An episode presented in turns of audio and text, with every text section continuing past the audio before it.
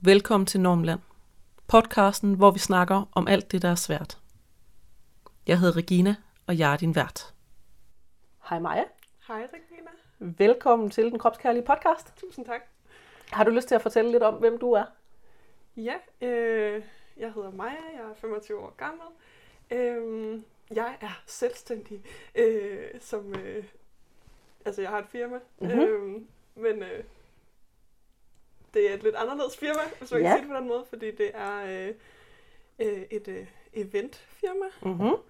som er det, det, jeg kalder det på pænt sprog. Men øh, nogle, gange, nogle gange så siger jeg også bare, jeg stripper. Ja. Øh, der er mange måder, man kan pakke det ind på, så det lyder mere øh, fordøjeligt. Ja. For, Og også lige afhængig af, hvem man nogle gange skal fortælle det til. præcis. Ja. Nogle gange kan jeg også godt bare lige sige, øh, Nå, men hvad laver du til daglig?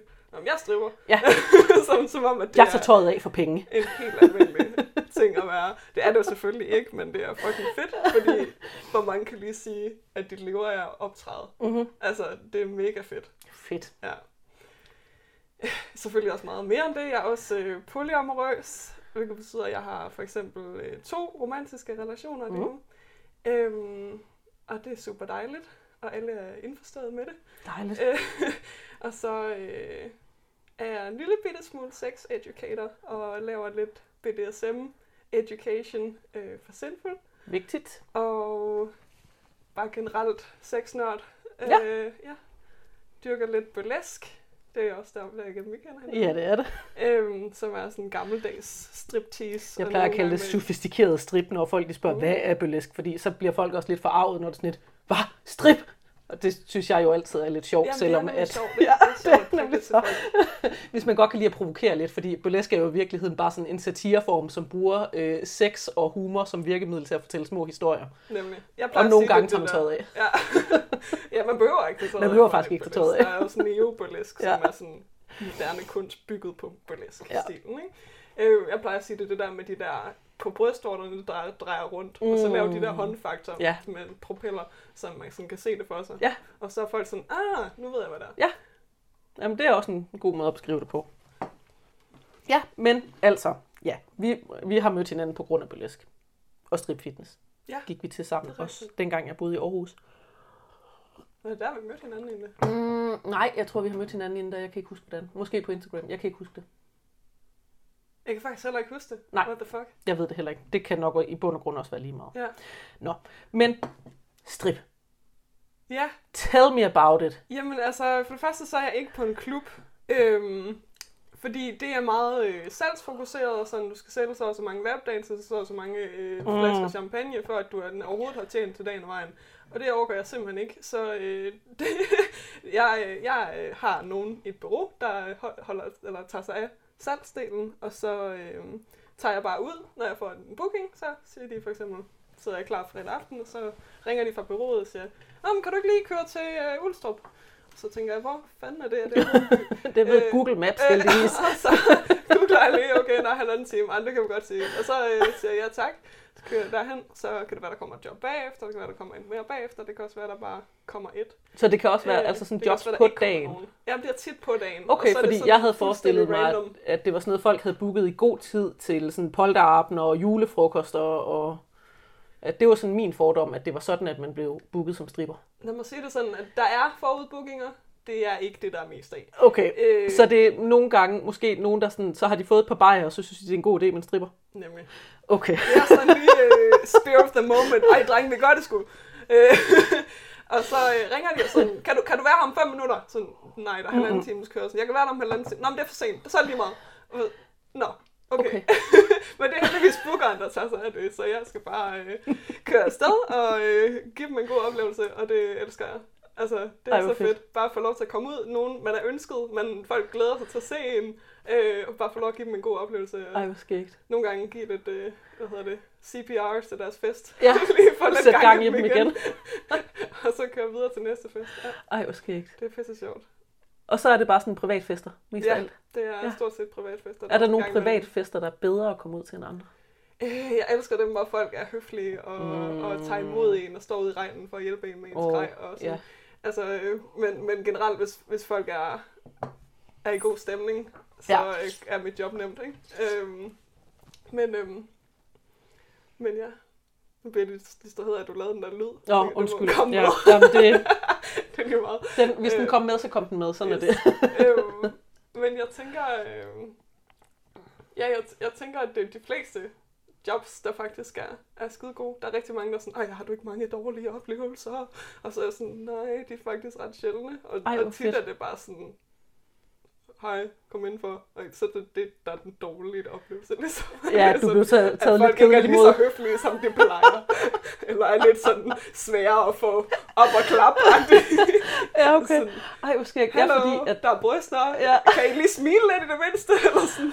Ja, sådan fordi lidt. det, det forestiller mig lidt sådan, altså noget af det mest ubehagelige, som øh, jeg kunne forestille mig som burlesque-performer, var jo at, for eksempel, at, øh, at øh, publikum rørte ved mig, uden at jeg ligesom havde givet samtykke til det og sådan noget, at, og at folk de bliver for fulde og for nærgående, hvor at... Øh, og det er jo sådan noget, jeg forestiller mig, det sker jo så, når man er ude som stripper. Jamen, jamen, det gør det jo også, men jeg er bare mega god til at håndtere det Ej, hvor fedt. Vi er fucking attraktive at have det her job, altså det er fucking sejt. Nå, anyway. Øhm, Så grænsesætningen, den sidder bare lige skabet. for det første, så har jeg jo fået pengene, Ja, inden jeg overhovedet klæder om. så hvis de ikke opfører sig pænt, så skrider du bare. Jeg har alt magten. Ah. Altså, præcis. Øhm, ej, det er heller ikke øh, en dans på roser. Selvfølgelig, hvis der er nogen, der blokerer udgangen, så får jeg det lynhurtigt meget op ubehageligt, Mm. mm. så, kan de jo, så er det jo en gruppe mod mig. Ja. Så det er, jo ikke, det er jo ikke, fordi der ikke kan ske noget, men jeg har aldrig oplevet, at Nej. der er sket noget. Øhm, og så er jeg meget sådan, her er mine regler, ingen telefoner, ingen berøring. Øhm, og så har jeg dansetrin, hvor de så får lov til at røre på mine præmisser, hvor jeg Ja. ligesom tager deres hænder op på min krop. Ja. At det er dig, der styrer det. Ja, præcis. Øhm, og hvis de så giver mig et klask i vildskab eller et eller andet, så vurderer jeg lige, øh, skal jeg lige stoppe musikken, og så lige skælde dem ud. Lige i sæt. Er grænserne. gange også, ikke? Jeg, øh, øh, så skal man skælde ud assertivt og høfligt, Ja. fordi man vil jo ikke ødelægge den gode stemning. ja, selvfølgelig. Så det er jo, nogle gange så er jeg jo sådan, kan du så lade være? Og det Som så, de kvinde, har man, som kvinde har man stadigvæk et, behov, et, et, øh, et ansvar for at udglatte. Ja, glatte, glatte, glatte. Selvom som- det er deres adfærd, der er problemet. Præcis, men også som professionel. Altså, Ja. der er også noget professionalisme omkring at, at sætte grænser lige Ja. stille og pænt. Sige, godt, det er ikke sådan, vi leger. Øhm, hvis, øh, hvis I vil have lidt ekstra opmærksomhed, så skal I lade være med at smække mig. Ja. Ja. Det er ikke, det, det er ikke sådan, øh, man Og så er der får. ligesom en gullerod. Der var også en periode, hvor jeg var sådan, hvis det skal igen, så går jeg. Og det gør jeg også, hvis folk er generelt er nederen. Så Ja. er jeg sådan, det der, det stopper nu, eller også så går jeg bare. Ja. Øh, er vi af med på den agtige, og så starter musikken igen, og så har vi glemt det, fordi nu har vi det så hyggeligt, og så har vi bare, ja, øh, så det er noget med at lave den der sådan, ja. øhm, kontrast til, Ja, at okay, det var lidt ubehageligt, ja. nu kommer der noget helt vildt dejligt, så I har lidt glemt, at det var ubehageligt, men tager det stadig alvorligt. agtigt. Hvis jeg bare siger, ej, jeg vil altså helst ikke have, at I gør sådan med mig, så er der ikke nogen, der tager det alvorligt Nej, nej. overhovedet. Nej, det er jo det. Men også den, ja, netop det her med, at, øh, at jeg tænker, det er også noget med at spille en rolle. Ja. At, at der er rollen som stripper, og hvor at hvis stripperens grænser bliver overskrevet, så får man ligesom øh, den ægte person i stedet for, som ligesom er, det, prøver, det vil jeg faktisk ikke have, fordi jeg er et ægte menneske, selvom at jeg er stripper. Præcis. Så, og så når jeg ligesom er færdig med at være et ægte menneske, så kan jeg træde tilbage i rollen som stripper. Men det er også øh, det er spændende, ikke? fordi nogle gange, så, så er den der illusion om, at jeg er jo en stripper, øh, en eller anden stripper, og, eller anden ikke, stripper. og ikke et ægte menneske. Ja, jamen lige præcis. Bare det, at jeg nogle gange tager min jakke på og siger farvel, Ja, øh, og sådan, sådan men hvor kan du? Agtigt. Så har jeg brudt den illusion. Ja. Det, det er enormt Ej, hvor sjovt. Og nogle gange gør jeg det, nogle gange genopretter jeg, eller holder jeg illusionen med vilje. Ja. Jeg er jo bare Alexa. Ja. ja. øhm, og, og så øh, er der nogle gange, hvor jeg bryder illusionen med vilje. Jeg har ikke lagt mærke til, at jeg har hår på benene. Sådan, hvis jeg lige synes, jeg vil. Jeg leger meget med sådan... Øhm, øhm, stemninger og, og normer og, Ja. og prøver ting af, virker det her, hvordan Ja. ja. skal jeg sige det her bedre næste gang, for at det bliver taget bedre imod, og hvordan håndterer jeg den her type kunde, der var lidt træls næste gang, for at han ikke er lige så træls, Ja, ja, ja. ja. og hun ikke er lige så træls. Øhm, så ja, det er enormt spændende. Selv Ja. hvis jeg har en dårlig oplevelse, så sidder jeg bare og piller den fejl Ja, ja, ind i ja. hovedet, bilen på vej hjem. Jeg har det på samme måde, fordi altså, som aktivist bliver jeg jo også rigtig meget altså, gjort til den her aktivist, som er sådan den mere offentlige del af Regina, som man ser på Instagram, og som man ser holde foredrag, og som man ser udtale sig ja. i medier. Så nogle gange, når folk så lige pludselig ser mig i virkeligheden, bliver det jo sådan lidt helt, gud, det er en rigtig person. og så tit så tør de ikke at sige noget, så skriver de til mig bagefter sådan lidt, jeg tror, jeg så dig i Rema 1000, og det det var sådan lidt overvældende, hvor det sådan lidt, prøv næste gang, så bare kom hen og sige hej, fordi altså, jeg er faktisk bare sådan en helt almindelig menneske, jeg er faktisk sådan generelt langt hen ad vejen ret sød og rar. Ja. Jamen, det er også noget af det, jeg, jeg netop får rigtig god respons på, det er, at jeg er helt afslappet Ja. øh, omkring folk. Altså jo, jeg spiller da en lille smule dum stripper, ikke? For, for, fordi det er det, folk forventer, og så Men det er også igen rollen. folk, ikke? Øh, hvis man ikke... Altså, fordi jeg i forvejen, det skal man måske også lige nævne, at jeg ser ud... Øh, jeg ser ikke ud som en stripper. Kan man sige det på den måde? øh, Jeg tror, at man vil ikke gå der forbi dig på gaden og så tænke, hov, det er den, det er en stripper, der går der. yes, jeg Og du sidder den- her i, i sweatpants og øh, uden, øh, uden BH under din, øh, din helt almindelige tanktop, og er bare sådan helt uden med makeup og Yes, ja, jeg gider kun lægge mig op, hvis jeg skal på arbejde. sammen her. øhm, hvad hedder det? Øhm, altså, jeg har en, en krop, der ikke er blevet tatoveret, og som øh, ikke er helt vildt tynd. Den er, jeg, jeg tænker, det er sådan en tynd krop, men en blød tynd krop. Det er ikke sådan en krop, der er, ud, altså, der er sultet på nogen, eller super trænet, eller du, du, du er sådan en, hvor hvis man så dig på gaden, ville bare tænke, det er sådan en he- helt almindelig Ja. ung kvinde. Jeg svinger lidt fra slank til almindelig, eller noget. Eller hvad det hedder. I don't fucking know. Der er ikke noget, der er almindeligt. Men, men øh, jeg har den krop, jeg nogle gange har. Jeg Ja. går ikke så meget op i den. Jeg danser lidt en gang imellem, fordi jeg godt kan lide at danse. Det er ret lækkert at danse. Er jeg fucking privilegeret, at jeg har nogle hofter, jeg har noget talje, og jeg har nogle bryster, der ser konventionelt rigtigt ud. Øh, øh, Ja. ja. Så meget, meget heldig øh, i forhold til, øh, at jeg ikke skal gøre en skid for at se rigtig ud Ja, i min Du, du skal ikke arbejde helt så hårdt for at, øh, jeg tænker sådan noget som at blive, for eksempel at blive booket som stripper er væsentligt nemmere, når man passer ind i det her konventionelle skønhedsideal, hvor alle er sådan lidt, jamen det der, det er sådan, altså almindeligt på en eller anden måde. Præcis. At det ser godt ud. Både at blive booket, men også at, at, at modtage kommentarer. Ja. Jeg kunne forestille mig, at man havde meget, meget mere modgang, hvis man kom ud og øh, ikke så konventionelt normalt ud. Det har vi jo Øh. faktisk snart, vi har jo været ved det samme krokibureau, Åh ja. hvor at det har vi jo faktisk snakket om, at jeg havde været ude ved nogle kunder på et tidspunkt, som du var ude ved efterfølgende. Ja, Og hvor at øh, jeg oplevede, altså de var søde og rare og høflige og sådan noget, da jeg var der, der var ikke noget, men hvor du jo så bagefter oplevede, at de jo så fortalte om, at, øh, at de havde haft en model ude, som også, øh, altså hvor det var sådan, du... jeg tror vidt, at det, det- jamen, de var også nogle røvhuller, undskyld. Ja, ja, Men- jamen, det men- tror jeg helt bestemt på, men, men altså, de behandlede mig vitterligt- pænt, mens jeg var der. Okay, det er godt, men jeg tror vidt, at de sagde, oh, thank god, det er ikke hende den tykke. Ja. Altså, og så var jeg bare sådan lidt, "Ah, hvad sagde du? Fordi jeg har jo mange primære privilegier, så jeg føler også, at jeg har en eller anden form Mm. for ansvar for at tage den kamp, som andre har mere op ad bakke med Ja. tage. Ikke? Øhm, ja, men øhm, Men når det så skal sige, så var det jo så også blevet lovet, at det var altså øh, et tynde Ja. modeller, der Ja. kom ud, ikke? Og så at der er lige pludselig stod, mm, ja. Det, altså det ved jeg ikke, jeg blev sparket ud senere, så. Goddammit. Nå, men det er det, det, det, der er så dumt, ikke? Fordi det skulle forestille at kroki, altså for dem, der ikke ved det, så kroki er øh, tegning, at tegne nøgne mennesker. Ja. Og så har vi været i et bureau, hvor vi tager ud til events, øh, og underviser i tegning og nøgne samtidig, som Ja. sådan en slags Både, underholdning. både og underviser og modeller på én gang. Ja, præcis. Ja, som underholdning, netop især til Mm. polterabend og julefrokoster og, Ja. og sådan nogle ting. Det, der så er med det, det er, at polterabends og julefrokoster har åbenbart en eller anden form for norm for, øh, hvilken type af krop, de gerne vil se på. Ja. Hvilket er super dumt, fordi det er meget mere spændende at tegne nogen, der har deller, Ja. når man tegner kroki. Jeg tegner selv kroki. Jeg vil hellere tegne en, der har rynker. Helt ærligt. Det Ja, der er- meget mere spændende Jamen også fordi der bliver noget skygger, når det er, at alting ikke er helt glat. Der er bare generelt noget at kigge på, i Og stedet for, at man bare og- tegner det, man forestiller Ja. sig, en krop ser ud som. Ja. Ja. Men det synes jeg var super interessant, at du fortalte det, at, øh, at, fordi jeg netop faktisk havde haft en positiv oplevelse, jeg synes, det var en god aften, og det er jeg jo super glad for, når jeg bagefter hører, at de bare har været sådan lidt, "Vi vil ikke have sådan en tyk model der, ikke? Hvor det sådan lidt. Okay, det var tydeligvis en af de der situationer, hvor at vi har booket en krokimodel i stedet for en stripper. jamen præcis. hvor det er sådan lidt, hvis at I egentlig gerne vil have en stripper ud, hvorfor booker jeg så ikke en stripper? Fordi det gør de hver torsdag. du ved, så har man set det for meget, og så er man sådan lidt, ej, det er ikke det, som det plejer. Nu er jeg skuffet, jeg ved det ikke. Ja, okay, jamen, det kan jeg godt se. Det, øh, men ja, også fordi det er jo meget den her normativ, at øh, ja, i forhold til, hvor at, altså, at det jo også har været sådan, jamen hvis det er mænd, der holder polterarben, så skal de have en kvindelig model, eller i hvert fald en Mm. female presenting model, ikke? Og- hvis det er kvinder, så, så skal de have en mandlig model, hvor altså nogle af de bedste arrangementer, jeg har været ude til, det har jo været damepolterarber. Hvor Ja. jeg har fået lov til at være. Fordi det er sådan en helt anden måde at gøre det på, når at det, hvor Og det giver dem også meget mere. Og jeg har Ja. også virkelig sådan, hvis jeg er ude på en efterskole eller et eller andet, ja, ej, det er fedt på efterskoler. Altså, så er jeg virkelig for ikke at suge maven ind. ja, En så kontroversiel ting, som ikke at suge maven Ja. ind, kan gøre en forskel for de her små Mhm. mm-hmm. mennesker, der ser, der er en, en nøgen person, der har en mave. Hun er rigtig lækker. Det kan man også godt.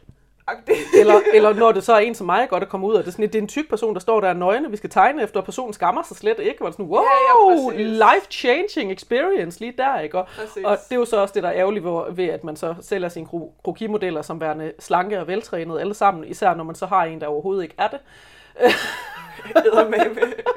Hvor det sådan, Dumt. Nå. du kunne også bare sige, at du har folk med forskellige kropstyper, og at man kan efterspørge noget specifikt, hvis man har lyst til det. Ja, ja. Øhm, men, øh, men, men det synes jeg var super interessant, også fordi, at, øh, hvad det hedder, vi, vi jo tidligere, vi har haft sådan en sammenstød tidligere, for nogle år siden, dig og mig, i forhold til Ja. det her med kropsforståelse vel egentlig. Fordi at jeg har jo været hende den høje, og hende den akavede, og sådan noget i min barndom, og, og været, øh, ikke, jeg vil ikke sige tykkere, men tykkere end de andre børn. Mm. Øh, og på den måde har jeg en opfattelse af mig selv som værende større, end man burde være. Ja. Både i højden og i bredden. Øh, selvom jeg overhovedet ikke var det. Og det kunne jeg ikke selv se på det tidspunkt. Og det er der virkelig mange tynde mennesker, der har et problem med, den her med, at, at vi tror, at, altså man tror, man er tyk, fordi at man ikke er en størrelse 36 eller 34, ja. ikke? Ja. det oplever jeg også den der med, hvordan taler vi så om det? Som du også kommer til at sige, at sådan, jeg øh, går fra slank til almindelig, hvor det sådan lidt, men almindelig er jo stadigvæk tynd og skønhedsprivilegeret. Det var og ikke et tyndhed. spektrum, det var bare for at sige random ord. Ja, ja, ja, I, I know, det var slet ikke Ja. det. Men, men den, her, den her idé om, at det er sådan lidt, at så er der tynd, som er super tynd, og som er den her størrelse 36 supermodel, vi ser øh, på, øh, på magasiner og sådan nogle Ja. ting. Og så er der tyk, som er altså tykt. Og så nogle gange, så har vi noget indimellem, som man sådan kommer til at kalde normal eller almindelig eller et eller andet. Og hvis man så ikke føler sig normal eller almindelig, når man så, så nu definerer for eksempel en i en størrelse 40 tøj som værende normal eller almindelig, så ender det med, at, det sådan, at så bliver min følelse af forkerthed, den bliver til, at jeg er tyk i stedet for. Ja, og jeg tænker også, at det er det, du det rammer der, ind i. Det der med at føle sig Ja, tyk. Ja, jeg føler mig forkert, klart. fordi jeg har fået at vide, at jeg er forkert, men jeg kan ikke rigtig sætte finger på, hvad er det, der sker, så derfor må jeg være tyk. Men det er, jo, det er jo så mærkeligt, ikke? fordi jeg har altid haft det enormt godt med min krop. Ja, Jeg tror, at det var lige indtil, at jeg begyndte at få, få strækmærker og øh, var til lægen og fik at vide, at min BMI var i god sådan for høj. Øh, så gik der Åh, slankekur ind. Og så fik jeg BMI. dårligt... Øh, ja, ja, mega modstander. mega kæmpe fuck det BMI. er lavet til at beregne folkemasser, ikke enkelte personer. Og selv der, så er det også lavet til at lave folkesundhedsundersøgelser på primært europæiske hvide mennesker. Jamen, det er bare dumt. Nå, anyway. øhm, og så, så tror jeg, at det gik op for mig, at jeg var for stor på en eller anden måde. For Ja. indtil da, der har jeg været sådan, ah, nøgenhed, ah, fedt. Ja. Ja. Det er meget naturligt for mig, Ja. ja. hvilket også er derfor, jeg kan øh, lide at være i det her job. Øh, Det giver god mening. øhm, men, men så lærte jeg ligesom, at min krop var forkert. Øh, og så øh, tror jeg bare, jeg, jamen, jeg har også altid været højere end andre og sådan noget. Ja. Jeg er 1,80. Ja, jeg tænker, vi er cirka lige høje. Med min stripperstiletter er jeg 1,95 eller sådan noget. Går ind i dørkarmen høj. Ja, præcis.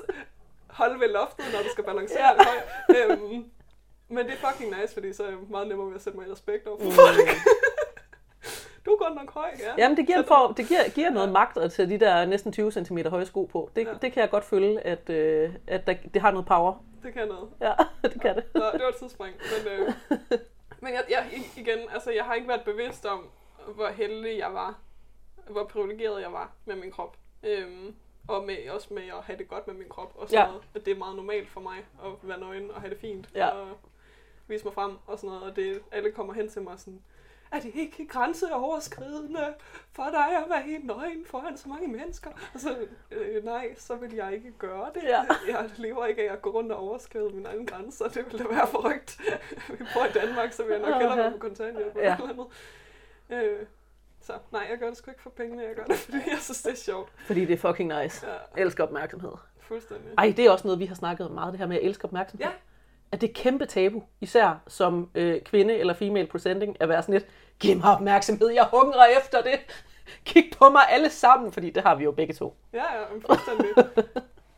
og, jeg, og jeg har altid haft det svært med det, og selv ved, til ens fødselsdag. Ja. Når at folk sang fødselsdag for en, jeg synes, det var et optur. Men så lærte jeg, så lærte jeg af andre folk på min jævnalder, at man skulle sidde og cringe, og man skulle sidde og have det helt forfærdeligt, når folk sang, fordi det var så pinligt, Ja. ja. at alt fokus var på en, og var sådan, okay, så lader jeg bare som om, at jeg synes det. Det synes jeg ikke.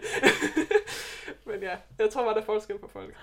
Det, jeg tænker også, der faktisk bare er forskel på folk med mange ting. Og også, det er jo også tit noget, der er nogen, som har en idé om, at hvis man nu skal lave tykaktivisme, så skal man jo være tykaktivist, sådan ligesom jeg er det. Hvor det sådan lidt. Og, så, og så er der sådan nogen, som, jeg har jo ikke sådan lyst til at udtale mig i medierne, og sådan noget, hvor sådan, jamen, hvor, altså hvor mange tykaktivister tænker du, der behøver at være, som skal udtale sig i medierne? Der er jo rigtig mange måder at lave aktivisme på. Mm. Øhm, så bare det der med sådan at, at prøve på at flytte lidt på normerne, betyder helt vildt meget, hvor det sådan, du, skal ikke, du behøver ikke at være, være helt vildt ekstrovert for at være aktivist. Nej, Tværtimod fedt. så du kan jo være aktivist på virkelig mange måder, og nogle gange så er den introverte aktivisme måske øh, øh, bedre eller lige så god. Altså. Ja, ja. Øhm, og det er også det, du siger den her med, altså det er jo der med at bryde med normerne også som stripper, hvor du sådan lidt, jamen, så kan vi godt have den her idé om stripper, og den rolle kan du godt spille med på, men alligevel så flytter du lige lidt på normen. Nogle gange, for eksempel, når du lige siger farvel og skal ud af døren, Ja, at du lige præcis. du lige gør dig selv til et rigtigt menneske, i stedet for at være en stripper, ikke? Og sådan, Jeg kan hov, gud, det var faktisk en ægte person, der var der, i stedet for, at det var en, en karakter, jeg havde forestillet mig inde i mit hoved. Ja, jeg kan godt lide lige at provokere folk bare en lille bitte, Ja. bitte smule aktivistisk. Og det må man sige, det er jo, altså, det er jo meget, øh, meget sådan, at diskret aktivisme, den der med lige at lige at give et lille, lille nyk. Ja, Ikke alt for meget, men lige lidt, lidt, lidt nok til, at du lige tænker dig om. men det kan også være sådan, hvis folk giver mig en, en, øh, en kompliment på bekostning af andre kvinder, for eksempel. Ja. Hvis folk er sådan, ej, du har godt nok nogle øh, pæne bryster i forhold til hende den anden stripper, vi havde, så sådan, det var da en underlig kompliment. Altså, Ja. jeg tager overhovedet ikke imod den, jeg gør dem opmærksom på, at det er en underlig Ja, kompliment. det ikke? var faktisk ikke en Nå, men, kompliment. nå, men jeg mente bare, at du har pæne bryster. Ej, tusind tak. Altså, ja, en godbid. Der- Nu gjorde du det Ja, rigtigt. præcis. Og sådan, det er sådan min stille aktivisme. Ja. Ja. Men det tror jeg også, det flytter en del. Uh, Og jeg er også meget med, med samtykke, for eksempel. mm. Kæmpe samtykkeaktivist. Så hvis, Samtykke er så hvis folk er sådan, må man godt røre, og sådan allerede er ved at røre, så tager jeg sådan fat i deres hånd og tager den væk. Så sådan, du må kigge mig i øjnene, og så må du spørge pænt. Og så kan det være, at du får lov. Og så er det ej, ej, det kan jeg ikke lige overskue. Nej, jamen, så, kan du ikke, så kan du ikke få lov. Okay, søde Alexa, må jeg godt røre ved dine bryster? Ja, det må du gerne. Og så lærer vi lige hele rummet, hvordan man Ja. gør. Øh, og det synes jeg er pisse sjovt. Ja, det lyder virkelig, virkelig skægt. Og virkelig en interessant måde også den der med at snakke om samtykke, hvor det er sådan et, også fordi at man har en, altså sådan samfundsmæssigt har vi jo tit den her idé om, at hvis man er stripper, så har man nødvendigvis givet samtykke til, at øh, at folk må gøre noget ved en, altså man må røre ved en, eller ja. Man må, og, hvor det er sådan lidt, jamen det må du faktisk ikke nødvendigvis. Du skal Nej. stadigvæk bede om samtykke. Selvom jeg har givet samtykke til at komme her og være stripper og danse og tage tøjet af, har jeg ikke givet samtykke til, at du må være en nederen idiot, der sidder og øh, gør nar af mig, eller kommer med nederen kommentarer, mm. eller rører ved mig. Ja. Det er stadigvæk, altså det er samtykke, der skal gives med alle tingene. Du kan ikke bare sådan sige, stripper, samtykke. Det er jo stadigvæk, øh, stripper, du skal stadigvæk have samtykke til at være få lov til at røre, eller mm. Alle de andre Og ting. også fra stripper til stripper, for der er også mange, Også der er sådan, jamen, det, på den sidste, der måtte vi godt filme, sådan, jamen, det må ikke med mig. Ja. Nå, Nå, men jeg jeg er tænker, samme menneske. jeg tænker faktisk også i forhold til, hvis man, altså, jeg tænker, hvis man nu laver en opgave sammen også, må man så røre ved hinanden også som stripper. Nå, Det oplever jeg nogle gange, hvis jeg er ude som... Det plejer vi at aftale. Ja, jamen det tænker Ja, jeg også, men ja. jeg oplever nogle gange, hvis jeg er ude og lave sådan noget balletperformance eller noget, så er der nogen, som har en idé, andre, der har en idé om, at så må de gerne sådan øh, gøre ting op af mig, eller røre ved mig, eller hvor det sådan lidt, "Men du har faktisk ikke fået lov til at røre ved mig, bare fordi, at jeg er balletperformer og ikke har særlig meget tøj på lige nu. Ja, Men der er der nogle andre performer nogle gange, som har en idé om, det må vi gerne, ja. fordi... Jamen, der er tit for eksempel, øh, at, at, hvad jeg formoder er kvinder, øh, giver mig en lille klap i, i røven, hvor det er jo det er sådan noget, jeg ser gennem fingre med, fordi det måtte man faktisk ikke, og det er lige blevet sagt, at man må ikke røre, så selvfølgelig må man ikke slå. Øh, men fordi, at de har sådan en lille bitte kvindehånd, og jeg nærmest ikke kan mærke det, så, så er det noget andet, end når der kommer sådan en kæmpe mandehånd med 200 ja. km i timen og laver et mærke, ikke? Øh, som oh, jeg ja. siger meget hård overfra, overfor. Ja. Øh, fordi så skal jeg gå med et rødt mærke hen til den næste kunde, det gider jeg faktisk ikke. Øh, øhm, og generelt så bliver min krop bare træt, hvis folk slår mig. Altså, jeg kan godt lide at blive slået, men kun når folk, der ved, hvad de laver. God pointe. jeg synes, det er spændende det her med, du siger med kvinder, og der, at, og der er det måske en anden måde, som vi håndterer, at du håndterer det på. og Sådan noget. Men jeg oplever faktisk, at... Øhm, Men det burde man ikke. Nej, Nej, det gør man jo og. Det, det er også fordi- fordi, mere, fordi jeg sparer på mit krudt, fordi man skal vælge Ja, sin ja, kamp, ikke? og, Men- og det kan jeg virkelig godt følge, over men, kvinder. Men jeg har virkelig være. nogle gange prøvet, når at jeg laver et eller andet, hvor at jeg ikke har særlig meget tøj på. For eksempel belæsker den på en eller anden måde. At, øh, at kvinder føler, at fordi at, øh, at de også har bryster, så må de gerne røre ved mine bryster. Ja. Hvor det sådan lidt, nej, Prøv at høre, det må du, du har simpelthen ikke samtykke, ja. fordi at vi umiddelbart har samme køn. Ja. Du må simpelthen ikke røre ved min krop af den grund. Det er ikke okay.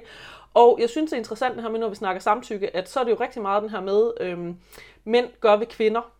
Hvor det er sådan lidt, jamen nej, det er jo, fordi det er jo ikke det, der er problemet. Det er jo et kulturelt fænomen, det her. Ja. Altså, det er jo meget større end mig og dig som individer, fordi det er jo et spørgsmål om, at vi bare generelt er virkelig, virkelig dårlige til at snakke om samtykke, og hvordan får man samtykke, og hvordan giver man samtykke. Ja. Sådan lidt.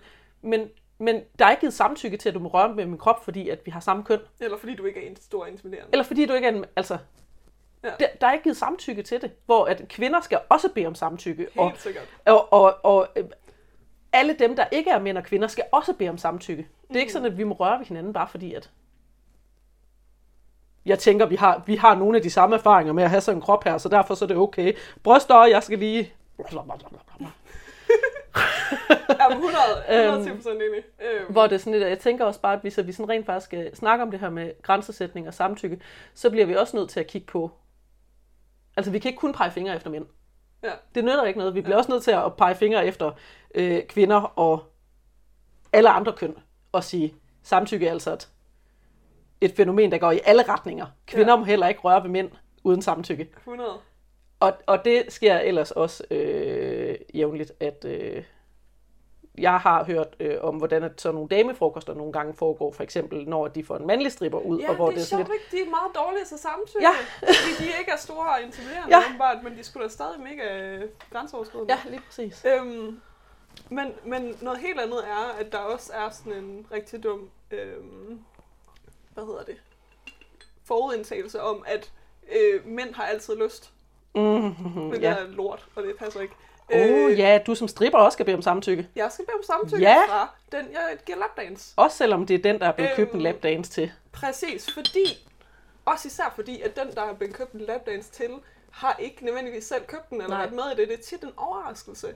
Og så er der hele den her kultur omkring, at det skal være nederen for den person. Ja. Og jeg forstår det ikke.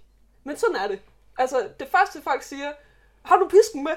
Kan du bare slå ham til plukfisk? Altså, sådan, Nej, hvor vildt. Øh, altså, det kan jeg godt, men øh, det bliver kun, hvis han selv vil. Ja. Øh, og så, må jeg, altså, så afstemmer med ham undervejs, øh, uden at øh, de nødvendigvis tænker over det. Ja, ja. Øh, så visker ham i ørerne. Er, Ja, det- ja, er det du er okay med det her. Er det okay at tage din tro- trøje af, for eksempel? Det er der nogen, der kunne have som grænse. Ja, ja. Øhm, er du okay med, at jeg slår dig med pisken? Sådan Ja. ting. Øhm, og så kan jeg lynhurtigt høre på deres svar, at selvom hvis de signalerer til deres venner med deres ansigt, jeg kan virkelig ikke lide det her, fordi det er den rolle, jeg skal spille i det her fucking vej, så kan de være sådan, ja, det vil jeg virkelig gerne til mig. og, og så slipper de for at tage ansigt, ja. og jeg har samtykke. Ja. Det er ikke... Så er det dig, der ligesom påfører rollen på en eller anden måde i Præcis. stedet for, men, men du stadigvæk har fået lov til at gøre det, du gør. Præcis. Ej, hvor er det spændende. Og så er der super meget kropssprog i det også. Øhm, øhm, Men interessant, at man, altså, i forhold til det her med mandekultur og giftig maskulinitet og sådan noget, ja. Man skal sidde stadigvæk her og spille, øhm, at, at spille, at man synes, at det er ubehageligt, at der er en, der ligesom, øh, der tager styringen i det her, fordi det er jo det, man gør som stripper, mm. at man ligesom tager styringen i det her, og at det skal være ubehageligt som mand at være den, der bliver en smule domineret. Så derfor skal man sidde sådan og lade som om udad til, at nej, puh, jeg synes, det er pinligt det her, jeg synes, og, og at det er en del af, altså, at, at i går så en lejen på en eller anden Ja. måde, at det skal være ubehageligt for dig, der får den her lapdance, det skal være, øh, du skal ikke synes, det er fedt, du skal ikke, hvor det sådan, men du skal helst ydmyges, faktisk. ja, Øh, og, og det er jo... og at, for, at så få den, altså i går så en ydmygelse, så bliver man nødt til at spille med på, at man, man føler sig ydmyget af det, ja, i stedet det for, at man bare kan omfavne og sige, det er faktisk, altså, vi har jo strippet for hinanden begge to, og hvor det er sådan lidt, det er mega fedt, Ja, det er Altså, fedt. really, I love it. Det er simpelthen så lækkert, når at du lige pludselig smækker dine øh, lange ben omkring mig, og så sidder man der og sådan, wow, numse! Hvor det, sådan, det er jo helt vildt fedt. Ja. Det er mega, mega fed opmærksomhed få. heldigvis er der også nogen, der reagerer sådan. Ja. Og det, det er cool. Altså, det der kunne kan jeg- sidde et helt publikum af, Ja. af tamme øh, folk, der ikke overhovedet er med på, på at klappe eller Ja. noget. Og så kan der sidde en, der bare æder det rundt, og Ja. ja. han laver hele min dag. Ikke? Ej, godt. Nå, anyway. Men, men det er altså, det er det her at gøre køn. Øh, Ja. At de skal opretholde den her gruppedynamik over for hinanden. Ikke? Ja, Øhm, og så har jeg med tiden, nu har jeg lavet det her i to år, så jeg har med tiden øh, lært at indgå i den konstellation på en måde, hvor jeg indhenter så meget samtykke, jeg overhovedet kan. Dermed også, skal det også siges, at det kan man ikke. Altså, det er en gruppepres-situation. Allerede Ja. der er der noget samtykke, der Ja. vil øh, blive øh, svært at Ja. aflæse. Øh, det er en person, jeg ikke har snakket med, inden det sker. Det vil sige, det er ongoing, altså det, det er undervejs, at jeg er nødt til sådan nogenlunde Ja, at prøv på læse at afstemme. deres, deres kropssignaler. Øhm, og det er en person, jeg ikke kender, så jeg kan ikke læse deres kropssignaler. Ja. Jeg kan prøve på det. Øh, jeg kan prøve at spørge dem med mine ord, og de kan prøve at formulere sig med sine ord. Mange har ikke, er ikke vant til at bruge deres ord om, hvad de har lyst til at sige Ja. til og fra. Så det kan jeg heller ikke 100% stole på. Så det er sådan lidt at wing det. Og hvis ikke jeg gør det, som folk forventer, så har jeg le- leveret et dårligt produkt. Ikke? Så det, det er også sådan, det er fucking svært øh, at gå ind og freestyle Ej, det er så en koreografi, scanne et rum, hvem skal jeg gå hen til, hvem skal jeg ikke gå hen til, hvor er der glat, der kan jeg ikke lave floorwork, der ligger glasskov.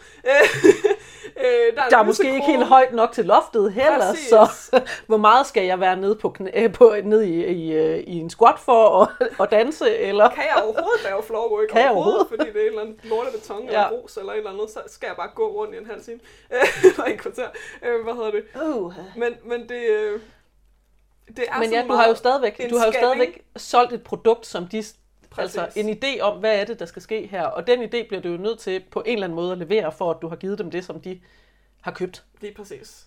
Fordi at, så, må, altså, så er det bare at scanne det så godt man kan, Ja. og, og øh, have så meget samtykke med, jeg kan.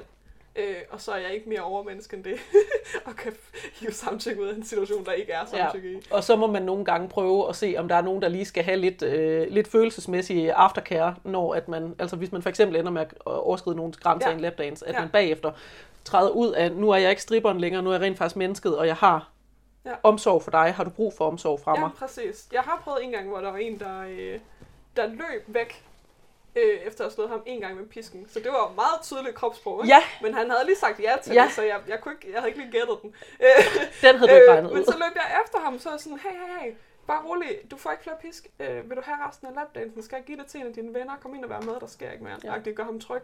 Øh, og så er han sådan, åh oh, fuck, det bliver bare lige for meget. Så Ja. det er så fint, du sagde fra med din krop. ja, er du dygtig." sagde meget tydeligt fra, Ja. da det var. Og undskyld, jeg ikke så det før. Ja, ja, præcis. Du, det er så godt.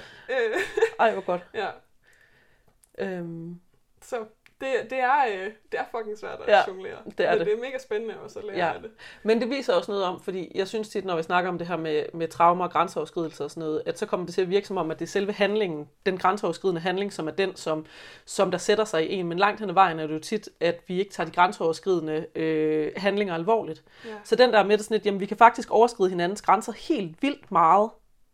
Men hvis vi tager det alvorligt, at vi har overskrevet nogens grænser, og laver det her følelsesmæssige aftercare bagefter, og Ja. siger, det var ikke min mening, jeg tager dig alvorligt, jeg ser dig, jeg anerkender dig som menneske, og jeg respekterer faktisk, at jeg gjorde noget, som gjorde ondt på dig, og det var ikke min mening. Det gør bare helt vildt meget. Det kan man også se i for eksempel, øhm, hvad det hedder, hvis at man snakker, øh, hvordan at man håndterer, håndterer, at nogen er blevet voldtaget. I den her, hvis man får lavet sådan mailingssituationer, hvor at, at, øh, at at offer og gerningsmand, de ligesom kan få lov til at få en samtale med hinanden, og, og blive til rigtige mennesker over for hinanden, og gerningsmanden måske endda kan sige, at jamen, øh, undskyld for helvede, altså Ja. det er tit ved kontaktvoldtægt, og ikke øh, sådan nogle overfaldsvoldtægter, at det sker. Men den her situation, hvor der rent faktisk er en, der siger, undskyld, jeg, jeg kom til at påføre dig noget smerte, som det overhovedet ikke øh, var rimeligt, at jeg påførte dig. Ja. Altså, så kan vi bare håndtere helt vildt meget ja. Grænseoverskridende Det healer adfærd. også øh, den, der har gjort det. Ja, det gør det nemlig. Øh, Så den her med, at vi rent faktisk tager vores egen følelser alvorligt, både som den, der overskrider ens grænser, men også som den, der nogle gange får overskrevet grænser, at vi siger fra, og der så er nogen, der siger, undskyld, det var fandme ikke med vilje. Ja, og jeg vil gøre mig umage fremadrettet, Ja. ja. for at det her ikke sker igen. Jeg vil virkelig prøve på at lære den her situation, og så vil jeg lade være med at gøre det igen anden Ja, gang. ja.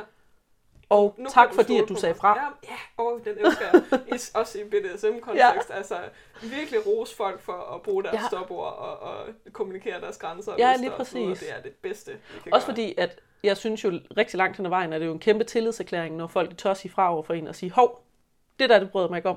Fordi at det er også en, en, øh, en forventning om, at jeg, jeg rent faktisk tager dem alvorligt, når de siger fra. Ja. Altså, hvis, at, hvis man ikke forventer, at folk tager en alvorligt, når man siger fra og siger, der er noget ved en grænse, så holder man jo mund, og så trækker man sig bare i stedet for. Ja. Altså, så forsvinder folk bare lige så stille i stedet for, hvis man ikke tager dem alvorligt. Ja. Så det er en kæmpe tillidserklæring hver gang, der er nogen, der siger, hov, stop lige der. Mm. Jeg forventer, du tager mig alvorligt nu. Jeg Ja. kunne ikke lide det der. Jeg forventer, at du forstår, at jeg ikke kunne lide det der. Og at du respekterer det. Og du respekterer det. Nemlig. Og hvis det, man så ikke bliver respekteret, så er det jo så, at så har vi faktisk en ægte grænseoverskridelse. Ja. At du respekterede mig ikke som menneske, da jeg sagde nej. Ja. Fordi det er faktisk det, der er det grænseoverskridende. Mm. Ikke så meget, at jeg kom til at lave noget rigtig, rigtig dumt. Det leder mig videre til noget, jeg også... Øh, jeg har også nogle autopilot-ting, jeg godt Ja. kan fortælle om, om, om strip, men jeg synes, den er, det er super relevant her.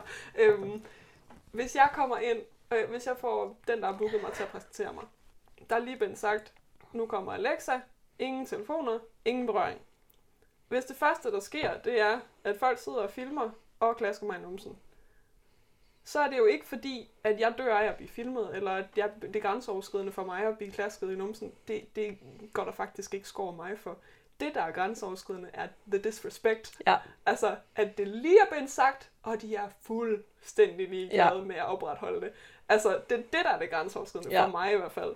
Øh, fordi jeg har accepteret, at der kommer til at ligge videoklip på mig og net, på nettet og på Snapchat. Altså, vi er nogen, der er nøgen på hele nettet alligevel. Ja, det er jo fucking ligegyldigt. Det er ikke det. Det er ikke, hvordan vores kroppe ser ud, der er nogen hemmelighed her. Præcis. Fordi det grænseoverskridende ligger netop i, at der er nogen, der gør noget, uden at vi har sagt okay til det. Som decideret lige har sagt, ikke er okay. Ja, Og det er fucking nederen. og det er disrespectful. Og Ja. så går jeg hen og står musikken og siger, for jeg gutter, det kan ikke bedre. ja. Fordi igen, du er vant til at blive filmet og fotograferet uden særlig meget tøj på, sådan cirka hele tiden. Det er grænseoverskridende i sig selv. Du er vant til at blive klappet i røven på alle mulige forskellige måder. Det er ikke grænseoverskridende i sig selv. Det kan det grænser- godt holde til. Altså, Ja. det, er jo ikke, det er jo lige meget. Men det grænseoverskridende er jo netop det der med, at jeg føler ikke, du anerkender mig som et ægte menneske, der er ligeværdigt med dig. Ja.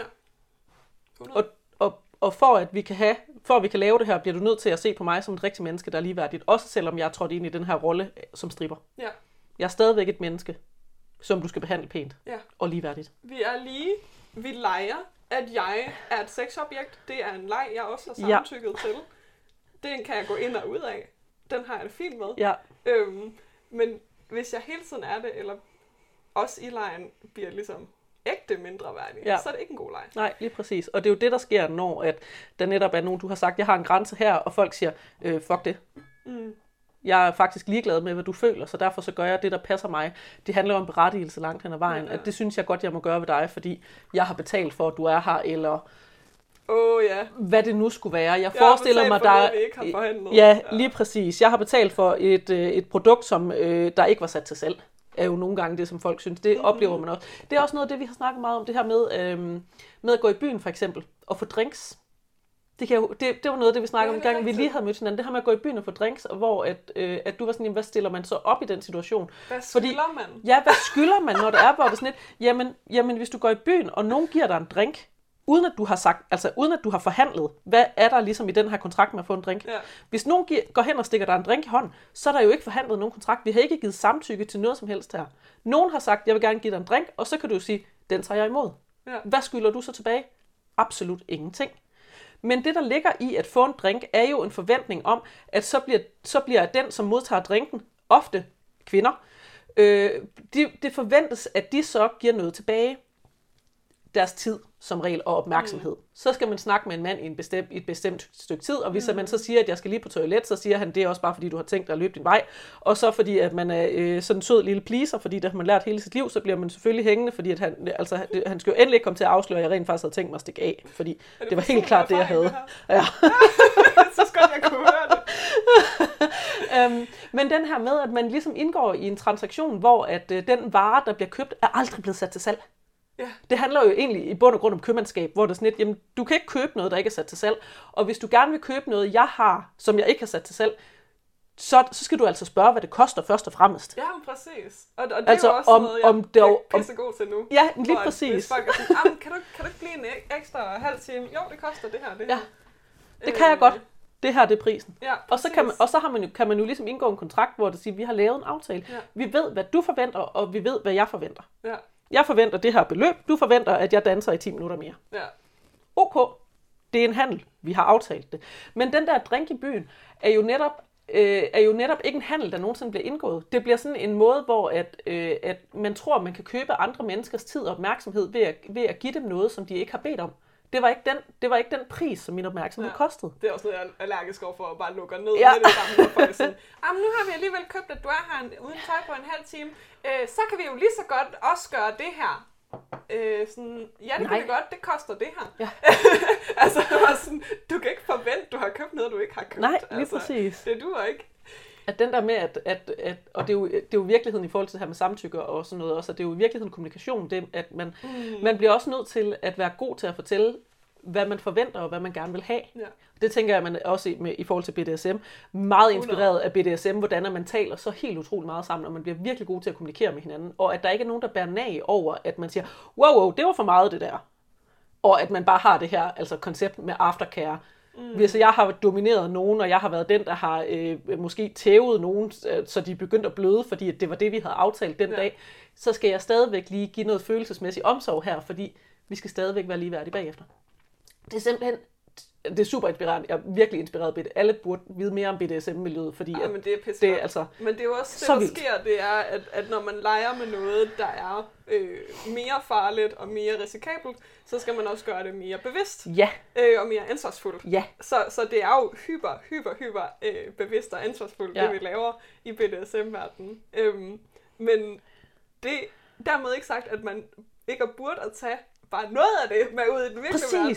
Og have den her... Prøv at tænke på, hvis man tog det ansvar for sin kommunikation alle steder i sit liv, hvor man rent faktisk spurgte folk, er du okay med det her? Ja. Eller vi forventningsafstemte. Hvad, vi har jo lige siddet og gjort det her, inden Altså, vi... jeg, jeg gør det generelt i Ja. mit liv, også inden jeg giver dig et men, kram. Eller ja, ja, men lige præcis. Ja. Også bare i venskaber og alle mulige mm. relationer, at man siger, hvad er det rent faktisk, vi skal her? Det er også noget, jeg oplever, efter jeg selv er blevet rigtig god til at sætte grænser det her med. Hvis jeg rent faktisk for, fortæller, hvad mine behov er, hvad jeg har lyst til, og hvad jeg har energi til, så reagerer folk jo positivt på det. Ja. At jeg siger, det har jeg ikke energi til i dag, men kan vi, kan vi bare sidde på sofaen og nu sin anden til at se en film i stedet for? Hvor folk siger, gud, det er jeg så glad for, at du siger, fordi jeg har virkelig heller ikke energi til, at vi skal noget som helst. Ja. Øhm, så det her med at tage ansvar for at fortælle, hvad har jeg behov for, hvad har jeg ikke lyst til, og øh, hvad, hvad kunne så være en mulighed? Præcis. At jeg oplever bare, at det giver, det giver så meget tilbage, det her med, at jeg godt tør at kommunikere mine behov. Og det er jo et sprog, som, som vi kun lige er ved at lære. Ja. Jeg er lidt mere trænet i det, fordi jeg dyrker BDSM, men, og fordi jeg, forhandler priser med kunder, men, men, øh, men altså generelt er det noget, som alle kunne have gavn af. Alle kunne have sindssygt meget gavn af. Og Jamen- det er bare super svært i Ja. starten. Øh, og risikofyldt, så sådan... Ej, jeg Ja. kan slet ikke overskue, at, øh, at vi skulle det her. Kan vi ikke gøre det her i stedet for? Ah, jeg, jeg Men- vil faktisk meget hellere det her over. Ej, det lyder også okay. Men kan vi jeg gøre en s- blanding? Eller Jeg synes, det andet? er interessant det her med, hvordan at folk tror, at de ikke kan finde ud af det her med samtykke. Men det har jeg kunne se under corona, at det kan folk fucking godt. Nå, hvordan det? Folk, de kan lige pludselig godt finde ud af at spørge om lov til at give et kram. Det er rigtigt. Fordi Det nu er der corona. godt. Krammer vi? Hvad gør vi? Vinker vi? Hvad gør vi? Ja. Folk kunne så fint finde ud af at bede om samtykke til at røre ved andre mennesker. Ja. Hvor tæt må jeg sidde på dig? Hvad er vi okay med? Forventningsafstemning, alle de her ting. Folk har været mega gode til det, fordi at der var en sygdom, hvor at vi kan smitte hinanden her, så nu skal vi holde afstand, og vi skal være opmærksom på det. Hvor det, er sådan lidt, det er altså ikke, fordi vi ikke kan. Nej, Vi kan virkelig, virkelig godt. Vi kan faktisk virkelig godt finde ud af, lige så snart der kom altså corona, så var vi gode til samtykke. det er fedt. Det er fedt. Hvor det sådan lidt, kan vi holde Jeg fast håber i lidt, det? vi holder lidt fast i Ja, det. kan vi holde fast i, at inden man krammer nogen, så spørger man, man om lov til det? Ja, ja. Det har jeg også oplevet på et tidspunkt, Det hvor der vi... det Ja, ja. dø. Ja, det skal det virkelig. Hvis man ikke har lyst til at røre ved nogen, så skal man virkelig lade være med at Man røre skal ved dem. klamme, ved no- øh, klamme nogen. Man skal kramme nogen, hvis man Ja, virkelig, virkelig og det har jeg savnet også dem, oplevet med dig på et Så kan man tidspunkt. godt sådan høfligheds... Eller hvad hedder det? Øh, øh, gestuskramme. Ja. Altså, lige når man mødes, og man virkelig har Ja, ja. savnet hinanden, så giver det mening at have et kram. Alle andre tidspunkter, så skal man kramme, når man har lyst til det, og ikke som standard. Ja, jamen, jeg har også begyndt sådan generelt at spørge, krammer vi? Og så kan folk bare være sådan, ja eller nej. Og mange er jo sådan lidt, hov, det, det ved jeg ikke, det havde jeg ikke lige tænkt. Nu når du spørger, jo det, jo, det mærkes måske egentlig meget, det vil jeg gerne have et kram. Okay. Det er et meget bedre kram. Ja, lige præcis. I stedet for den der med, at man krammer bare fordi, at man slet ikke havde tænkt over det. Så den der med rent faktisk lige at stoppe op og tænke, hov, har jeg lyst til det? Det kunne måske være, jo, jo, det tror jeg godt lige at kunne have lyst til. Og jeg har også oplevet med dig, som var sådan nej, i dag krammer jeg ikke lige, fordi det har jeg ikke lyst til. Jeg tror, det var efter et burlesk show på et Ja. tidspunkt. Hvor det var sådan, og det forstår jeg egentlig godt, at man især efter et burlesk show var sådan lidt, jeg har ikke lige brug for, at nogen rører ved min krop lige nu, fordi jeg har Ja. lige været på en scene, og folk har lige kigget på den, og jeg har lige en hel masse andre ting. Jeg er har faktisk måske lige, Ja. lige lidt overstimuleret, har bare lige brug for at være i mig selv her. Ja. Det giver super god mening for mig. Det kunne også være rart, hvis folk begyndte ikke at tage, tage det personligt, Ja. når man så satte grænser. Fordi Ja, det er fordi det, der er at- faldegruppen, ikke? Ja, Enten men så er lige der præcis. sociale konsekvenser, eller også så er der øh, konsekvenser for, okay, men synes du om mig noget dårligt, nu Ja. hvor du ikke vil kramme mig? Åh oh, nej, er det forfærdeligt? Ja. Hvad betyder det om mig? Det betyder ikke skid om dig, det er mig, der er over med. Ja, præcis. Altså-. At det er, når du siger nej til at, at, at ville krammes, så handler det jo netop om dig. Ja. At du ikke har lyst til et kram lige der. Hvor det sådan lidt... Så den der med, hvis jeg så centrerer mig selv og bliver sådan lidt, åh nej, men det er også fordi Maja ikke kan lide mig, fordi hun ikke vil kramme mig. Hvor sådan, "Mm, ja, eller også er det bare fordi, at Maja hun er i en situation, hvor at det, det ikke er rart lige nu. Mm. Eller hendes intuition, som man tænker, man ikke kan styre, har sagt, øh, nej tak. Og øh, når, og så er man bare nødt til at gå med det, fordi man kan ikke fucking ændre det. Ja, lige præcis. Og det, det, jeg er jo stor tilhænger af intuition, når man begynder at lægge mærke til alle de der små ting. Intuition er jo netop tit, at, øh, at man for eksempel er overstimuleret, eller ja. at, øh, at der er nogle, nogle små grænser, som man ikke nødvendigvis er reflekteret over, men der er sådan et eller andet. Og hvor hvis man for eksempel er overstimuleret, og man er sådan lidt, jeg har ikke lyst til et kram lige nu. Jeg ved ikke hvorfor, men jeg har ikke lyst til det. Mm. Hvis man så lytter til det, så kommer man jo netop ikke i den situation, hvor ens grænser bliver overskrevet, fordi at man var sådan lidt, jeg har ikke lyst til det, men jeg, jeg har ikke et godt argument for, hvorfor. Så jeg gør det lige alligevel. Ja. Man behøver ikke at have et godt argument for ikke at give et samtykke. Ja, ja. Jeg, øh, jeg var på en date for nogle måneder siden, hvor at, øh, vi havde mødtes på nettet, og så øh, møder vi hinanden, og så er han sådan lidt, hej, vil du have kram? Og spreder sin arm, og så øh, tøver jeg, fordi jeg havde lyst til at have lyst til et kram, men jeg havde ikke lyst til et kram, ja. og jeg skulle ligesom øh, sortere fra hinanden. Øh, Finde ud af, hvad der var Og så fordi jeg var sådan, øh, et stykke tid, så var han sådan, det har du ikke lyst til, det gør vi bare senere. Og det var så rart, at, at fordi jeg tøvede for længe, ja. så tog han det, ja. det måske, eller det, jeg ved ikke, som ja. et nej. Ja. Og, og det var bare genialt. Det var Ej. en genial håndtering. Det er også en ting, jeg er begyndt på, at, øh, at ikke noget svar, det er også et svar. Ja. Og ikke noget svar betyder nej. Præcis. Og hvis det så er, at han havde sagt sådan i den situation, han havde sagt, det kan jeg se, du ikke har lyst til, og du var sådan lidt, jo, men det havde jeg! Så skulle du jo bare have sagt det, og så havde han givet dig det kram. Ja, præcis. Fordi der noget tabt det, det nej. fede ved at blive tilbudt noget, og så sige nej, det er, at tilbuddet står som regel ved. Ja. Og når man så får at vide, hov, det, havde, det, det tror jeg ikke, du har lyst til, så, så kan man rent faktisk mærke det, fordi presset bliver fjernet. Ja. Så den der med at være sådan lidt, øhm, jeg starter lige med at sige nej, og så ser jeg lige, hvis jeg nu, hvis jeg nu får galopperende FOMO af det her, og synes, det er det værste i verden, at jeg ikke skal opleve det her, jeg lige har sagt nej til, mm. så kan det være, at du får lov til at ombestemme dig. Ja, præcis. I stedet for at udsætte dig for noget, som jo... du måske ikke kan lide. For mig, det var bare fordi, jeg kender ikke det her menneske. og, sådan, jeg skulle og det er jo en god grund til, at man ikke kan lyst til at kramme nogen. Jeg 10 minutter før, at vi, ja, ja. jeg synes, jeg ville presse min krop imod hans. så, så lidt. Det giver rigtig god mening. Det giver egentlig super god mening. Hvad fuck er det for en mm. kultur? Nå, øhm, men det var et tidsspring. Men det er også ja, i forhold til det med at kramme, og nu skrive med kramme med, nogle, øh, med en ny person, så det synes jeg også er interessant den her ja, med, at vi har generelt virkelig dårlige måder, altså virkelig øhm, få og mangelfulde måder at hilse på hinanden på. Ja. At enten så er det sådan et, øh, så skal man sådan give hånd, og så og det bliver altid sådan lidt akavet, og så kommer man til at stikke hånden i skridtet på nogen, fordi vi vil kramme en samtidig med, at man vil give hånd, ikke? Og, det er også bare meget sådan, øh, hvad hedder det? Øh, formelt. Høj, højtidligt. Ja, ja, formelt. Jamen, ja, jamen lige præcis. præcis. Og så har vi det her med, at vi kommer sådan helt tæt på hinanden, og sådan helt, uh, jeg kan, jeg kan mærke din øh, kropsvæsker øh, væsker og lugte din lugt, og det er jo ja. måske sådan lige lidt, lidt for meget, når jeg ikke kender dig, ikke?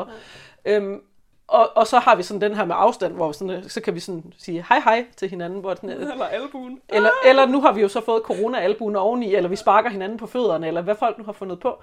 Men, men, men vi har ligesom ikke, øh, vi har ikke særlig mange forskellige valgmuligheder i forhold til at hilse på hinanden. Mm. Og hvad for nogle situationer gør man hvad? Altså, jeg er mega fan af nikket. Ja. At man bare lige sådan, jeg anerkender din eksistens. Ja. Du Ser dig i øjnene, ja. du er her, ja. det er okay. Goddag. ja. Og så er det det. Og så behøver man faktisk ikke mere det. det er en rigtig god pointe, at det er også en måde at hilse på. Og jeg er netop den der med lige at se hinanden i øjnene og sige, hov, du var også et menneske Fordi ligesom det mig. det der det er vigtigt. Ja. Det er, jeg anerkender, at du er i rummet sammen med mig. Ja. Øh, vi behøver ikke ramme, men, men jeg anerkender din eksistens. Ja. Det er jo egentlig det, man gør, når man hilser. Ja. Ikke? Nå, men... Øh... Jo, men det er jo noget den her med også, altså jeg ser dig. Jeg ser, ja. at du er her. Ja, ja. Ikke Og det er jo fucking sundt for mennesker. Jeg tror, mennesker, der, øh, der, ved det, der ikke øh, bliver set i øjnene og ikke altså, bliver hils på. Jeg tror ikke, jeg tror, det er ret, ret farligt for mennesker. Ja. Ensomhedsmæssigt. Ja, ja. Det, det, tror jeg egentlig også, det er. Jeg, jeg sidder lige og tænker på, fordi nu sidder vi og snakker om det her med C, at, øh, at hvis man nu er synshandicappet, så kan man jo ikke nødvendigvis gøre det, om, om man så har... Øh, No. Andre måder ligesom at, øh, altså i gårs øjne se, men altså den her anerkendelse af hinandens eksistens på. Men at, så ikke bare sige, hej Regina? Altså, jo, men højst sandsynligt. Jo, jo, jo, men lige præcis det der, jeg havde, øh, hvad det hedder, for eksempel dengang jeg havde, øh, havde sådan et penge, pengearbejde, og sådan ja. øh, arbejde, hvor jeg gik hen og gik på arbejde. Ja. Så, så, øh, så bare det her med at sige godmorgen til folk, når man møder ind på arbejde. At sige, godmorgen, der var du. Ja. Altså, i stedet for bare at gå ind og så gå i gang med sit arbejde, så rent faktisk gå ind og sige godmorgen til alle, vigtigt. man kommer forbi. Ja, Også selvom man måske først møder dem tre timer senere, men så stadigvæk sige hej. Jeg ja. ser, at du er her. Jeg har, ikke, jeg har ikke set dig før i dag. Jeg ser, at du er her. Ja, det er virkelig vigtigt. Jeg har været øh, vikar øh, på steder, hvor de havde super mange vikarer mm-hmm. ind og ud. og der var de bare stoppet med at hilse Ja, folk. fordi de ikke For vidste, hvad folk hed, og de ikke. Ja. Øhm, oh, nej, Og så var jeg det er virkelig der i giftigt. en periode, og det var nederen. Øh, og så kom nederen. jeg hen på et, et, et opvaskerjob, hvor at folk hilste på mig. Ja. Og det var bare dagens optur. Det var, når du kunne, hej, hvem er du? Når du er nu vikar. Farvel. Altså, det, ligegyldigt. Ja. Fuldstændig ligegyldigt, men så vigtigt. Ja, Altså- jamen den der med, men at, at der rent faktisk er nogen, der... Fordi jeg har også været, været vikar øh, en gang imellem, hvor det er sådan lidt... Der er rigtig stor forskel på, at man kommer ind, og så er der nogen, der er sådan lidt... Øh, her har du en nøgle og en telefon. Værsgo. Ja. Og så nogen, der kommer ind og siger, hej, det var virkelig dejligt, du kom. Og det var sådan lidt... Den, den ene, der bliver jeg sådan gjort til et, øh, et arbejdsredskab for nogle andre, og den Ja. anden, der bliver jeg til et menneske, der rent faktisk kommer og er ligeværdig med andre mennesker. Ja, ja, ja. Det gør Det sindssygt er meget. så lidt, og, og det gør bare en kæmpe forskel. Det gør en kæmpe forskel. Ja. Det Øhm. analyserer jeg også nogle gange på, når jeg kommer ud til kunden, at, at, at forskellen på, hvis jeg siger, hej, hvor kan jeg klæde om, og forskellen på, at sige, hej, tusind tak, fordi jeg må komme. Ej, jeg har glædet mig super meget, ja. Eller et eller andet. Øh, fordi det har jeg. øhm, og så, øh, og så op, oplever jeg også bare, at, at folk direkte spejler mig. At hvis jeg er sådan lidt hej, hvor man klæder om, at så, så er de også sådan, ja, Ja. goddag. Og, det. Øh, og hvis jeg er høflig over for dem, så bliver de bare 110% høflige over mig Altså, tilbage. det, det synes jeg jo er sådan en magisk ting ved, øh, ved menneskehjernen, at vi kan jo totalt meget kapre hinandens hjerner med, hvordan vi møder hinanden. Ja. At altså, hvis man sådan prøver at lægge mærke til det, hvis man går på en gågade et sted, hvor der er mange mennesker for eksempel, hvis man så sådan øh, øh, finder nogen, ser dem i øjnene og smiler til dem, så smiler de tilbage, uanset om de lægger mærke til. Og så kan man, folk kan blive sådan helt forvirret over, hvad fanden skete der lige der? Man kan også gøre det mere, de forventer, hvor, hvorfor kan jeg ikke huske, hvem, hvor jeg kender den person Nej, fra? nej, nej, men det tror jeg, det er simpelthen fordi, at man kan altså, at man, man inden folk tænker, at de smiler, så smiler de allerede. Ja. Fordi at vi spejler hinanden så utrolig meget. Ja, det kan godt være. Og vi kan også gøre det med vores dårlige humør, for eksempel, at vi kommer ind, og så er vi bare sådan tordensky, der er sådan rigtig, og så bliver alle i rummet bare sådan helt vrede. Så, så man kan bruge sit humør til at påvirke de mennesker, man er sammen med. Jeg har en bekendt, der bare ser virkelig stoneface slash bekymret ud, men er glad. Ja, Men jeg skal lige passe på, når jeg Ja. snakker med ham, fordi jeg bliver også sådan helt ja fordi du kommer til at bekymret. spejle det. Ja, fordi jeg spejler Ja. ham så meget. Øh, at det skal jeg ikke, fordi det er ikke det, vi er. Ja. Øh, jeg skal lige holde mig over på min egen bane. Ej, sjovt. Ej, sjovt. og det Det er også en ting, hvor der skal man lige huske at kommunikere, hvor det er sådan lidt, "Hov, er der noget galt? Nej, Ja. nej, der er ikke. Okay, jamen, så ved vi ligesom, hvad skal vi så, altså hvordan er vi så sammen her? Ja, ja, det er bare sådan, han ser ud. Ja, det ej, hvor er det skægt. Ja. Men det jo, det er jo super vigtigt at være opmærksom på den der med, fordi at man netop spejler hinanden, hvor det er sådan lidt, kom jeg til at indoptage dit humør? og så kom jeg til at blive, fordi at du havde en dårlig dag, så kom jeg til at få en så dårlig dag, jeg måske blev sur på dig, fordi at du kom til at smitte mig med dit dårlige humør, og så, kan Ja, jeg, ja. og så kan vi sådan ligesom bare Alt det der usagte, som hun bare kunne Ja. have sagt i to sætninger. Med Ja, ja, ikke? jamen lige præcis, hvis man rent faktisk taler sammen i stedet for. Forventningsafstemning. Ja, lige præcis. Øhm, det er super spændende. Og, og så også netop den der med, at man kan også gøre det modsatte, at, at hvis man rent faktisk kommer ind i et rum og bare sådan helt happy-go-lucky, at, at så smitter det af på andre. Ja, Så nogen, der har en dårlig dag, har måske lige pludselig en god dag i stedet for, de ved ikke hvorfor. ja. Så kan man gå hjem fra arbejde, hvis man nu det sidste, der er sket, det er, at der er nogen, der er sådan, fuck, det har bare været en helt vildt god dag, og øh, hvor var det fedt at være på arbejde sammen med dig, og øh, det, det gjorde mig fandme glad. Så, ble, så kan folk gå hjem og være sådan helt, fuck man, jeg elsker mit arbejde. Ja, Hvor at, at måske 10 minutter før, det var de sådan fuck, jeg hader mit arbejde. ja, Ja. ja. Det er ret fascinerende. Jamen, det er skide godt. Det er Og også altså- derfor, altså, den ene person kan bare gøre en forskel. Ja. Så kan resten af det være Ja, ja. også, også sådan en opfordring til, hvis man nu sidder og hører med, at man også nogle gange prøver, at, at det er faktisk okay at prøve på at spille en anden følelse, end den man umiddelbart har, fordi at vi kan, vi kan snyde vores hjerner. Altså Ja. vores hjerner er slet ikke, øh, vi, vi er slet ikke så bevidste om ting, som vi rent faktisk går og tror. Så det der med sådan at, at blive bevidst om, at jeg ved ikke nødvendigvis, hvad mit dårlige humør kommer af, så måske kan jeg faktisk lave fortællingen om til, at det bliver noget positivt i stedet ja, for. måske behøver jeg ikke tage det så alvorligt. Ja, jeg, jeg øh, råder gerne folk til sådan, at, øh, at for eksempel, så når man slutter dagen, altså når man ligger i sin seng om aftenen, inden man skal sove, så husk på tre, øh, tre gode ting den dag. Mm. Det kan nogle gange føles, hvis man nu har en depression for eksempel, kan det føles utrolig svært, men en god ting er for eksempel bare, at man har fået noget at spise, eller man har trukket vejret, eller man stadigvæk er i live, eller altså der kan være mange ting, der er gode. Det kan også være altså sådan nogle exceptionelt gode ting, som at øh, der, er, man har fået en niese, eller man har fået et nyt job, eller altså Ja. det behøver ikke at være store ting, for at det er gode ting. Øh, men den her med, at man rent faktisk slutter dagen af med at huske på de gode ting, kan gøre, at man husker dagen som en god dag, i stedet for, at man husker dagen som en lortedag. Ah, fedt. Så, så man kan bruge de her fortællinger om sig selv og sit liv til at, at altså ligesom at, øh, at skrue på knapperne. Vil du, gerne have en, vil du gerne have en god dag eller en dårlig dag? Og jo flere gode historier, du fortæller i dit liv, jo mere glad bliver du også i dit liv, fordi at du sætter fokus på de gode ting, ja. i stedet for at du sætter fokus på de trælse ting. Ja, ja. Så også det her med at, at sådan, lægge mærke til, når det har været gode dage, i stedet for kun at lægge mærke til, når det har været dårlige dage. Ja. Fordi vi har en tendens til at sige, øh, det har været lidt træls. Eller, øh. Ja. Og det var også dejligt, da du kom ind ad døren, har jeg spurgt, hvordan det gik, og så var du bare sådan, fantastisk. Var sådan lidt dejligt svar at få. Men det må, Jeg har det faktisk, altså jeg har det virkelig, jeg havde en dårlig dag i går, Ja, det jeg dig ja, også, men, men ellers så, så har jeg faktisk de sidste mange, mange, mange gange, folk har spurgt mig, hvordan går det, så har jeg sagt, det går virkelig godt. Jamen præcis. At den der med, at man, man husker at fortælle, altså de post, men det er jo i øvrigt også sådan ting, som det må vi helst ikke sige. Jeg, jeg havde faktisk en samtale med min veninde her den anden dag, hvor jeg var sådan, hvordan går det? Nå, det går fantastisk. Jamen, det gør det også for mig. Okay, hvor tit sker det? Ja. Fuck? Lad os lige snakke om, hvor dejligt vi Ja. har det for, for Ja, change. lige præcis. Hvor det sådan, men det er jo sådan en, det er jo i virkeligheden en høflighedsfloskel, det her med, hvordan går det? Og så siger man, "Jamen, det går fint, og "Jamen, det går fint. Og vi må helst ikke stikke for meget af Ja. fra den. Vi må ikke sige, det går, jeg har det faktisk helt af helvede til. Så Ja. bliver folk sådan helt, de ved slet ikke, hvad de skal, altså. Nej, Man kan bare se folk, de prøver på at grave, sig selv ned, så meget krummer de tager over det her, ikke? Og, øhm, men, men også en anden retning, at folk bliver også sådan lidt, jamen det går fantastisk, hvordan skal jeg forholde mig til det? Det er jo noget underligt ud. Kan, Ja. vi ikke, kan vi ikke bare sådan have det normalt? ja, ja, ja. Og så bliver vi sådan lidt, hvor det sådan lidt, jamen, ja, altså jeg er jo kæmpe tilhænger af, at øh, hvis du ikke vil vide, hvordan det går, så skulle du være med at spørge. Ingen dansker i hvert fald. Så jeg har det jo sådan, når folk de så er sådan lidt, for eksempel som dig, jamen det går fantastisk, hvor sådan lidt, fuck hvor er det lækkert, at det ikke bare er sådan en, Hmm. det går fint. Sådan, nej, prøv, det går aldrig bare fint. Sig, sig nu, hvordan du har Jeg det stedet elsker den der metakommunikation om, hvis man så er i tvivl om, om man er en byrde, for eksempel, man, Ja. man har fået at vide, at det, det går, det, det, hvordan går det, det går super dårligt. Og så kan man bare lige, hvis man gerne fortæller om, hvor, hvor dårligt det går, Ja. så kan man være sikker på, at den anden har lyst til at sige det, eller høre på det, mm-hmm. ved at sige øh, metakommunikation. Øhm, vil du, vil du høre mere om det? Har du, kan du rumme, at Ja. jeg lige fortæller lidt om det, fordi det kunne være super dejligt? Øh, eller sådan et eller andet. Og så kan den anden sige, øh, jeg er faktisk super fyldt op Ja. i mit eget lige nu, så kan vi snakke om noget andet. Ja. Eller et eller andet. Uden at tage det personligt. Ja, ja, men lige præcis. Og det er så dejligt. At den der med også, at hvis det nu er, at man så siger, jamen det går ikke særlig godt, har du lyst til at høre om det? Og så kan den anden sige, det har jeg faktisk ikke energi til lige nu. Det er ikke fordi, jeg ikke vil høre om dine problemer. Bare ikke lige nu. Ja.